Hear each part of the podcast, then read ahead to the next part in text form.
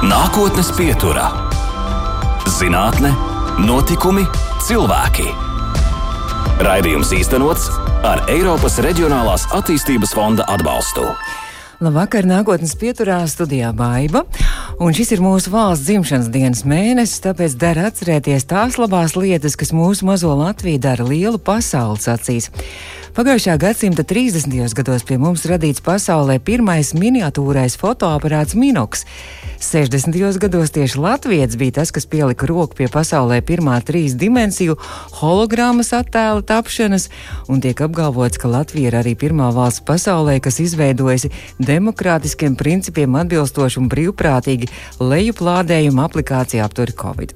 Bet varbūt daudziem būs pārsteigums, ka Latvija ir arī tā valsts, kur citvietas skaistuma nolūkos audzētais krūms krūmcidonija selekcijas rezultātā kļuva par augļu kultūru, un pat vēl vairāk varam būt lepni, ka šobrīd mēs esam pasaules līderi krūmcidonija kultūrā, gan selekcijā, gan zinātniskajā izpētē, pārstrādē un realizācijā. Un šodien nākotnes pieturas attālinātā viešņa kārtējo reizi, protams, ir Latvijas Lauksaimniecības Universitātes dārzkopības institūta vadošā pētniece un zinātniskās padomas priekšsēdētāja Latvijas Zinātņu akadēmijas īstenā locekle, bioloģijas doktore Edīte Kaufmane. Labvakar, saku jums attālināti! Labvakar! Nu, tad man jāapsveic jūs vispirms. Droši vien, ka mēs sāksim ar tām krūmcidonijām, ar ko Latvija tiešām var lepoties pasaules mērogā. Un, nu, pirms mēneša tika paziņot arī zemkopības ministrijas konkursu sējais 2020 laureāti, un to vidū arī jūs saņēmāt arī balvu nominācijā zinātnē, praksē un inovācijas. Vai jūs varat pastāstīt sīkāk, kas tas bija par projektu un pētniecības pasākumu, ko jūs tur prezentējāt un saņēmāt balvu par to? Jā, šis bija viens no Eiropas struktūra fonda atbalstītiem projektiem, lietišķās pētniecības projekts, ko mēs īstenojam kopā ar partneriem. Tātad Atkopības institūts bija vadošais partners un sadarbība bija ar Auga aizsardzības pētniecības institūtu un ar vienu uzņēmumu, kas ir bioloģiskais krumcidonija audzētājs, tātad Cijā kooperatīva.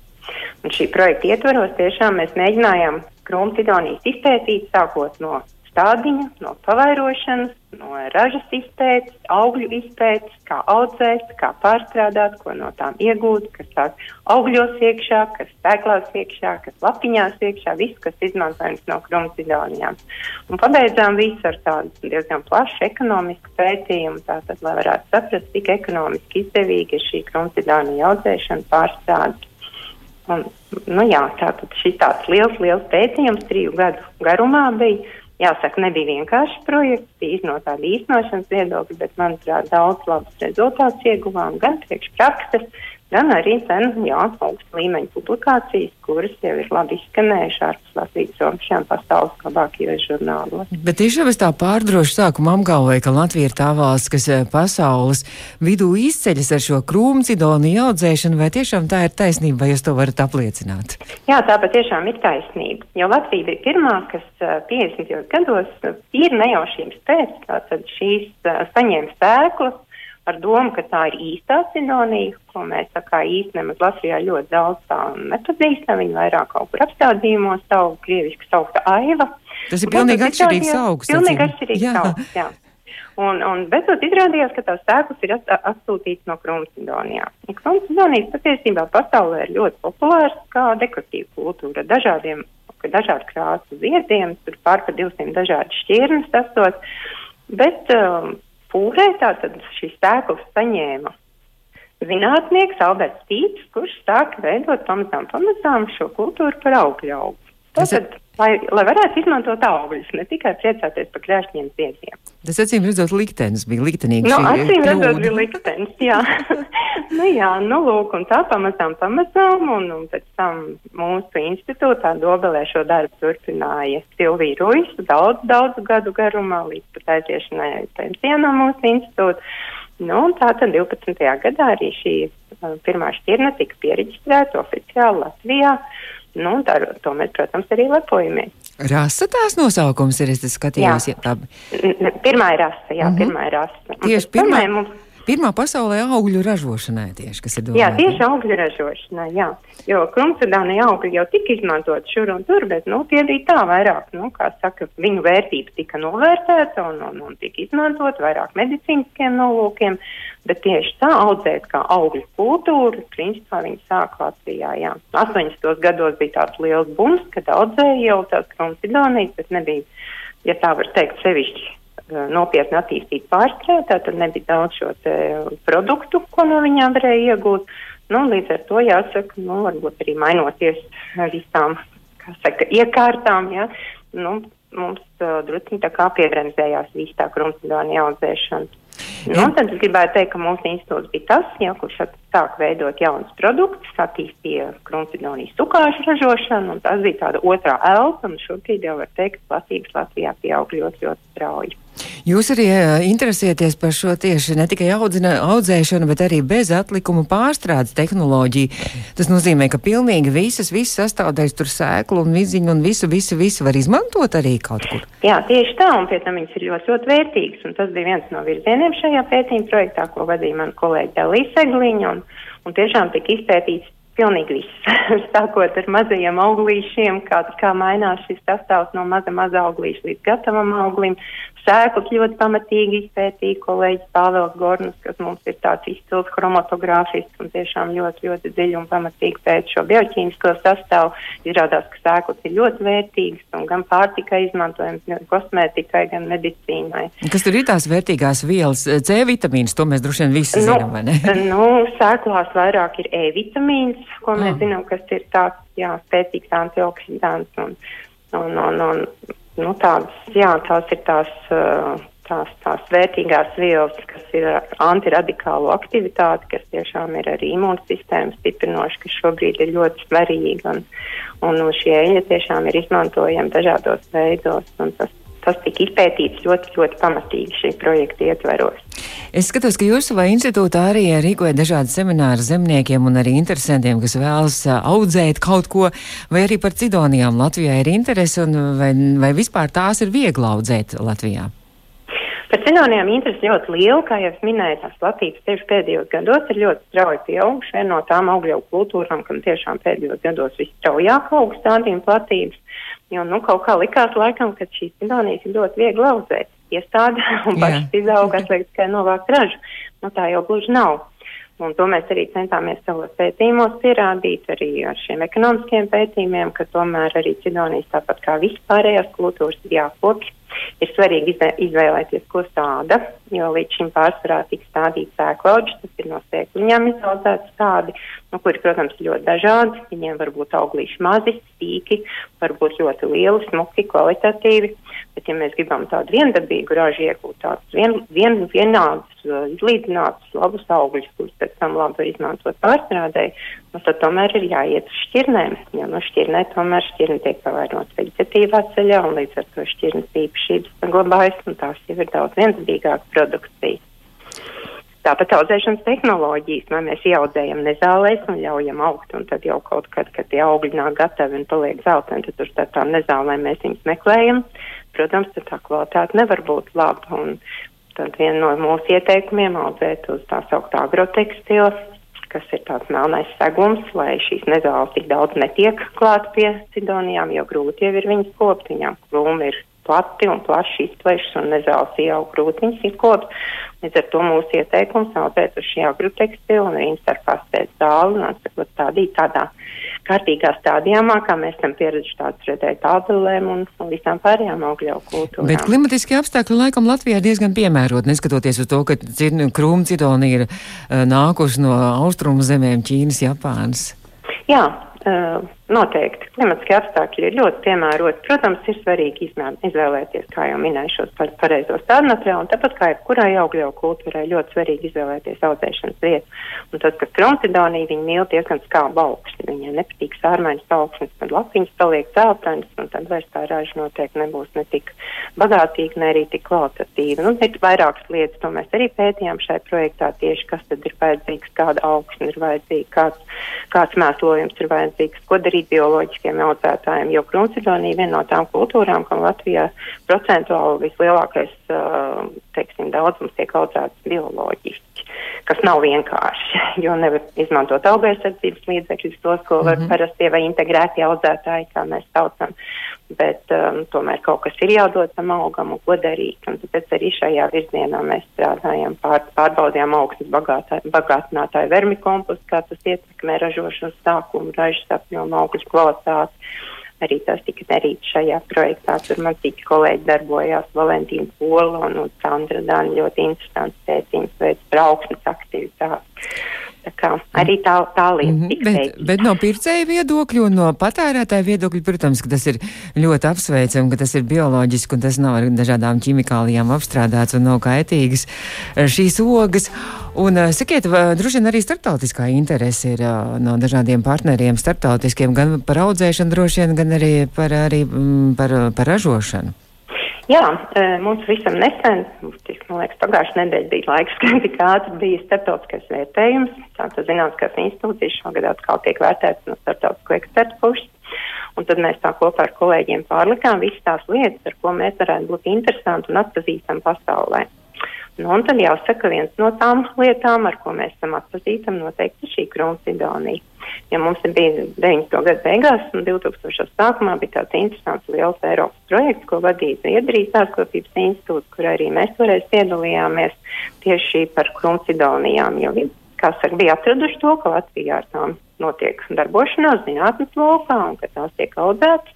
Un interesi radās arī Skandināvijas, un bija Somija iesaistīta, un gan mūsu kolēģi no Lietuvas ārstniecības institūta, un tā mēs visi kopā tur darbojamies jau tajā laikā, un tad pamazām, pamazām, pamazām, man liekas, nu, ka tā pasaule šo augu tiek iepazīstināta.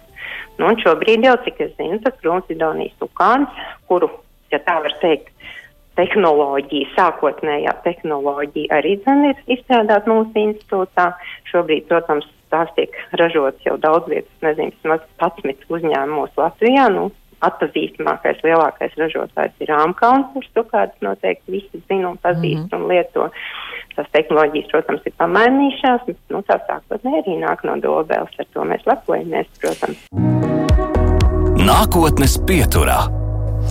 Turpinām nākotnes pieturu mūsu viešņai ir Latvijas Lauksaimniecības Universitātes dārzkopības institūta vadošā pētniece un zinātniskās padomas priekšsēdētāja bioloģijas doktora Edīta Kaufmane.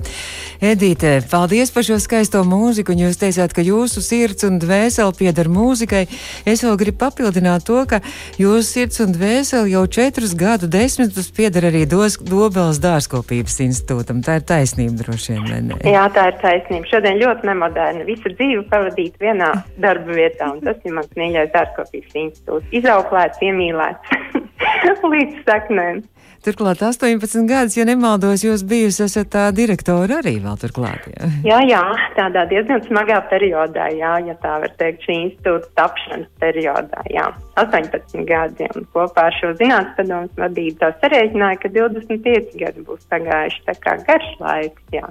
Nu, direktoram droši vien vairāk vēl daudz, par ko citu ir jāatbild un jārūpējās un jārēzēs, tad šobrīd droši vien, ka jūs varat vairāk pievērsties tam, nu, varētu teikt, zinātniskiem un radošiem darbiem darbam. Man tā liekas, ka tas zinātnē roku rokā ar radošumu arī iet, vai ne? Jā, pilnīgi piekrīt. Jā, un esmu ļoti laimīga. Šobrīd mums direktori Ines Ebele tomēr ir noņēmis lielu daļu no administratīvā sloga, un līdz ar to noteikti es varu teikt, ka zinātnē man ir vairāk laika.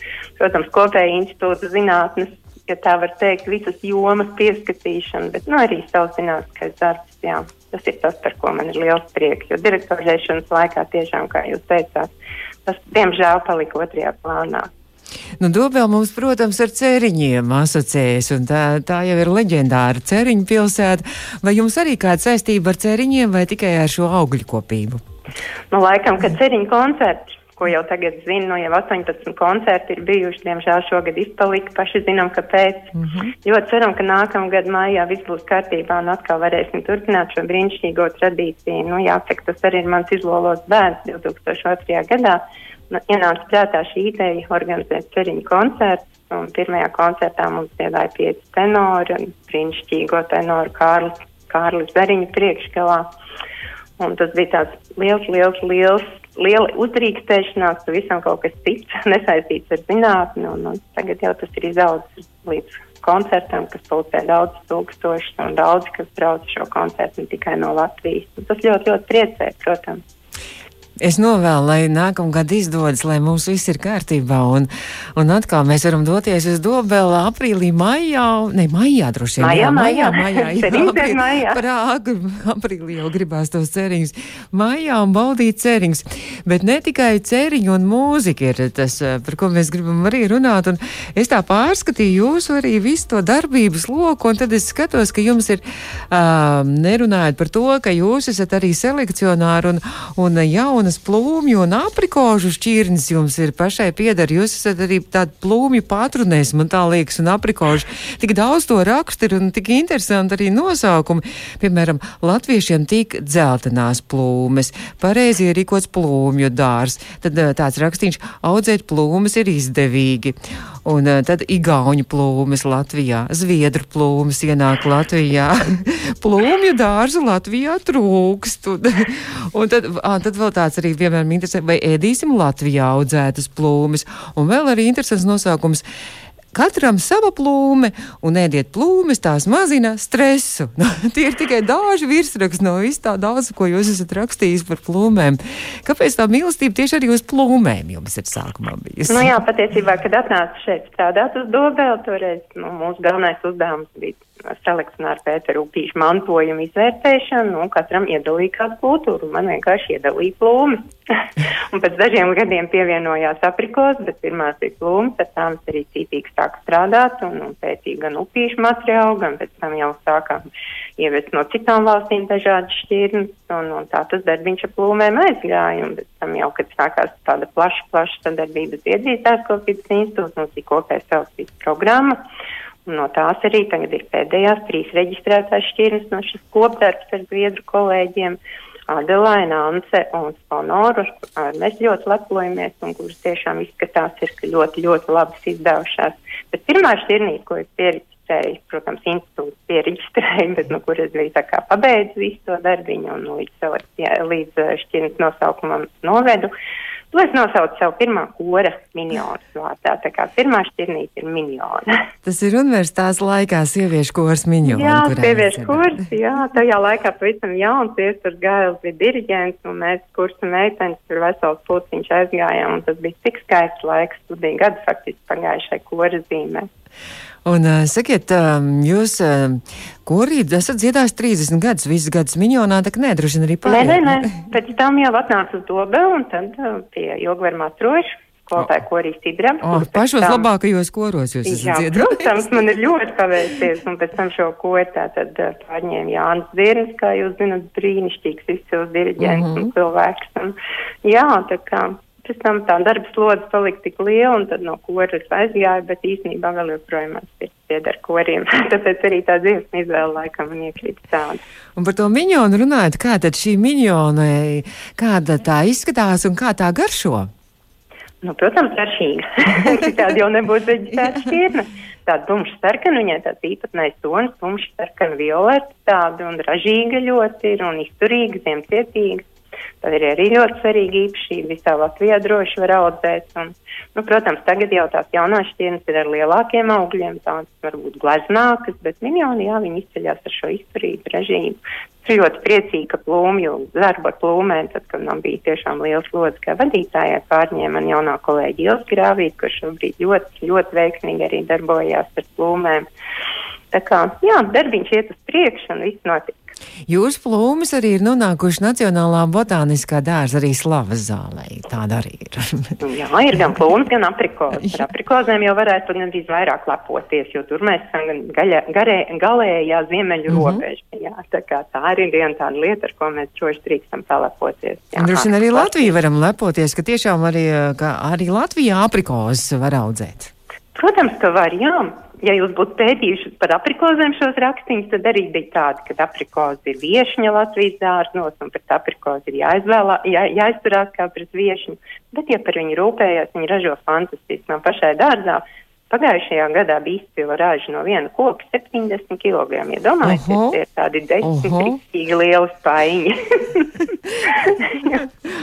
tā kā jā, aprikos, ja ar viņām tā māks sadzīvot, tad ļoti labi. Latvijā. Jā, es, at, es atradu arī rakstīņu, piemēram, ar nosaukumu kā prīzās svešzemniece aprikos. Nu, tā kā nemaz tas nav viegli, laikam, plūmas tomēr Nē, nē. nav tik aprīzes, vai ne? Nav, nav, protams, ka, jā, protams, aprikozēm ir tāda problēma, ka sākumā, kamēr kociņš mazs, kamēr viņš ieaugās, viņš ir tiešām jūtīgs. Viņam nepatīk tās mūsu apkušņēnās ziemas, kad te ir silts, te ir augsts.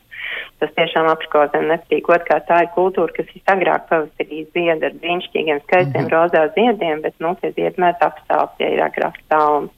Tā kā ir, jā, protams, jāprot. Tāpat kā visur ir vajadzīgs zināšanas, ir vajadzīgs, ir vajadzīgs rūpīgs darbs.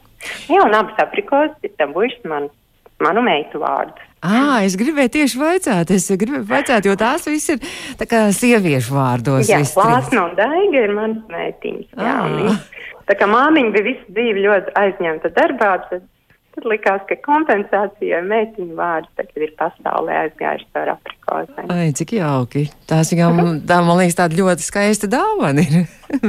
Arī tā bet nu jau man ir četri mazi bērni, un tad es vēl domāju, man brīnišķīgs vīrs, kurš arī vēl nav ticis pie šķirnes, man tagad jāstrādā ar Sidonijām, lai būtu vēl daudz jaunu šķirņu, lai katram tiktu kaut kas.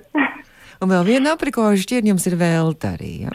Jā, īstenībā tur arī īpašs stāsts. Jā, mums bija ļoti smagi 90. gadi, tāpat kā visām zinātniskajām institūcijām, bija būt vai nebūt, un šeit mēs kopā ar manu kolēģi Māru Skrīvelu, kas tajā laikā zinātnes priekšsēdētāji, smagi cīnījāmies, lai šo vietu dobelē saglabātu, lai netiktu privatizēt, lai tur nu, to dārstu varētu saglabāt, un lai viņš izveidotos tiešām par stabilu zinātnisku institūciju, kāda šodien tā tiešām ir. Un tad bija zemkopības ministrijā tāds brīnišķīgs cilvēks, Veltes Feodoro, kur mūs ļoti, ļoti atbalstīja. Un tas bija tieši tas laiks, un tad es domāju, jā, viņi ir pelnījusi, jo 95. gadā, kad mēs, ja tā var teikt, ieguvām savu neatkarību kā institūcija zinātni, tad viņi bija tā, kas uz to pastāvēja, ka jā, ir jāatbalsta šī ideja un, un jāpalīdz. Nākotnes pieturā. Turpinām nākotnes pieturu, un šo raidījumu arī no rītdienas varēsiet arī Facebook audio saitē dzirdēt arī Apple, Google, Spotify podkastos. Un mūsu viešņi šodien, diemžēl, attālināti ir Dārzkopības institūta vadošā pētniece un zinātniskās padomas priekšsēdētāja bioloģijas doktora Edīta Kaufmane. Edīta, mēs tikko mazliet aizkadrā parunājām, un jūs teicāt, ka dārzkopim jābūt optimistam. Jūs tā ļoti labi pateicāt to. Kāpēc? Jā, ne ceļš augļkopim. Piemēram, lai izaudzētu šķirni jaunu, radītu jaunu šķirni, ir vajadzīgi 20, 25 gadi. Un tad saprotiet, ja jūs nebūsiet optimisti, nav ko vispār sākt. jo rezultāti ir jāgaida ļoti ilgi. Tas jau daļēji arī, man liekas, ir atbildes jautājumi, kāpēc mūsu institūtā ir diezgan daudz tādu cilvēku, strādā 20, 30, nu, kā jūs dzirdējāt, arī 40 gadi.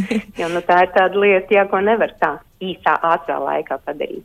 Bet gribēju vaicāt, jūsu darbs ir tā vairāk tomēr laboratorijā un uz papīra pie datora, vai tas tomēr ir tāds arī tiešām iet dārzā, rušināties un arī tur skatīties, pētīt, ravēt nezāles un tā tālāk. Nē, nu, ravēšanai droši vien vairs šobrīd nē, bet ar to mēs sākām katrā ziņā. Kad bijām laboranti, sākām ar ravēšanu. Nu, tagad jau to dara, to dara jaunie laboranti. Bet katrā ziņā dārza izmēģinājumi, lauka izmēģinājumi ir tie, man liekas, arī ar ko mēs varam lepoties. Un, un esam priecīgi, ka mums šāda iespēja vēl ir. Tā bija viena lieta, ko mēs arī uzsvērām saviem starptautiskiem ekspertiem, ka mums ir ļoti liela ģenētisko resursu kolekcija, gan augļu, gan dārziņu, kas mums tagad arī nākuši klāt, kopš apvienojamies ar pūri 16. gadā. Un šīs lielās kolekcijas, protams, ir jākūpja un visu vērtēšanu, visu lauku izmēģinājumu, kas ir saistīti ar agrotehniskiem pētījumiem, kur ar man brīnišķīgi kolēģi strādā un pēta, kā audzēt, kādas pocāms izvēlēties, kā veidot vaināgu. Tas viss ir ļoti sarežģīti. Kā pasargāt no strazdiem ķiršus, kā pasargāt no lietas un krustogus ar kādiem segumiem.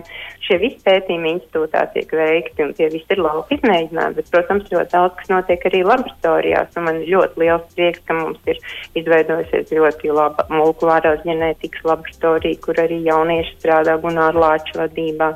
Savukārt slimības un kaitēkļus tiek, kai, kaitēkļi, kaitīgie organismi tiek pētīti augu patoloģijas, entomoloģijas nodaļā. Tur mēs uzcēlām 15. gada beigās nodevām pilnīgi jaunu laboratorijas ēku, kur biodrošības uh, ziņā ir viena no modernākajām Baltijas valstīm, mm. ar ko mēs arī tā varam lepoties. Tur Inga Maročkovičevska vada šo nodaļu. Tā kā man ir fantastiski kolēģi visās jomās, un tāpēc arī var teikt, ka mēs augļkopībā esam šis zinātnes centrs Dobelē, kur arī visi var braukt pēc padomu, gan seminārus organizējam, gan konsultējam cilvēkus. Nu, arī tātad šie pētījumi, kas tiek veikti, tie ir tādi augsta līmeņa pētījumi, ka varam lepoties ar labām publikācijām, labos žurnālos. Tā kā esam atpazīstami noteikti tālu aiz Latvijas robežām. Savukārt mēs ar jums lepojamies. Sakiet, tā ziemā, jā, ziemā tagad būs tā mazāka tā darba un ziemā mazliet vairāk atpūtas vai ziemā joprojām viss turpinās?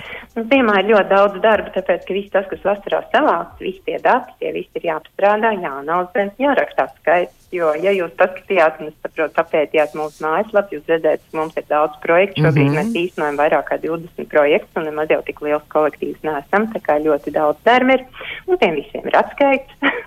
tā kā tas viss ir jādara, tad rakstam zinātniskos rakstus un, protams, jauns projekts.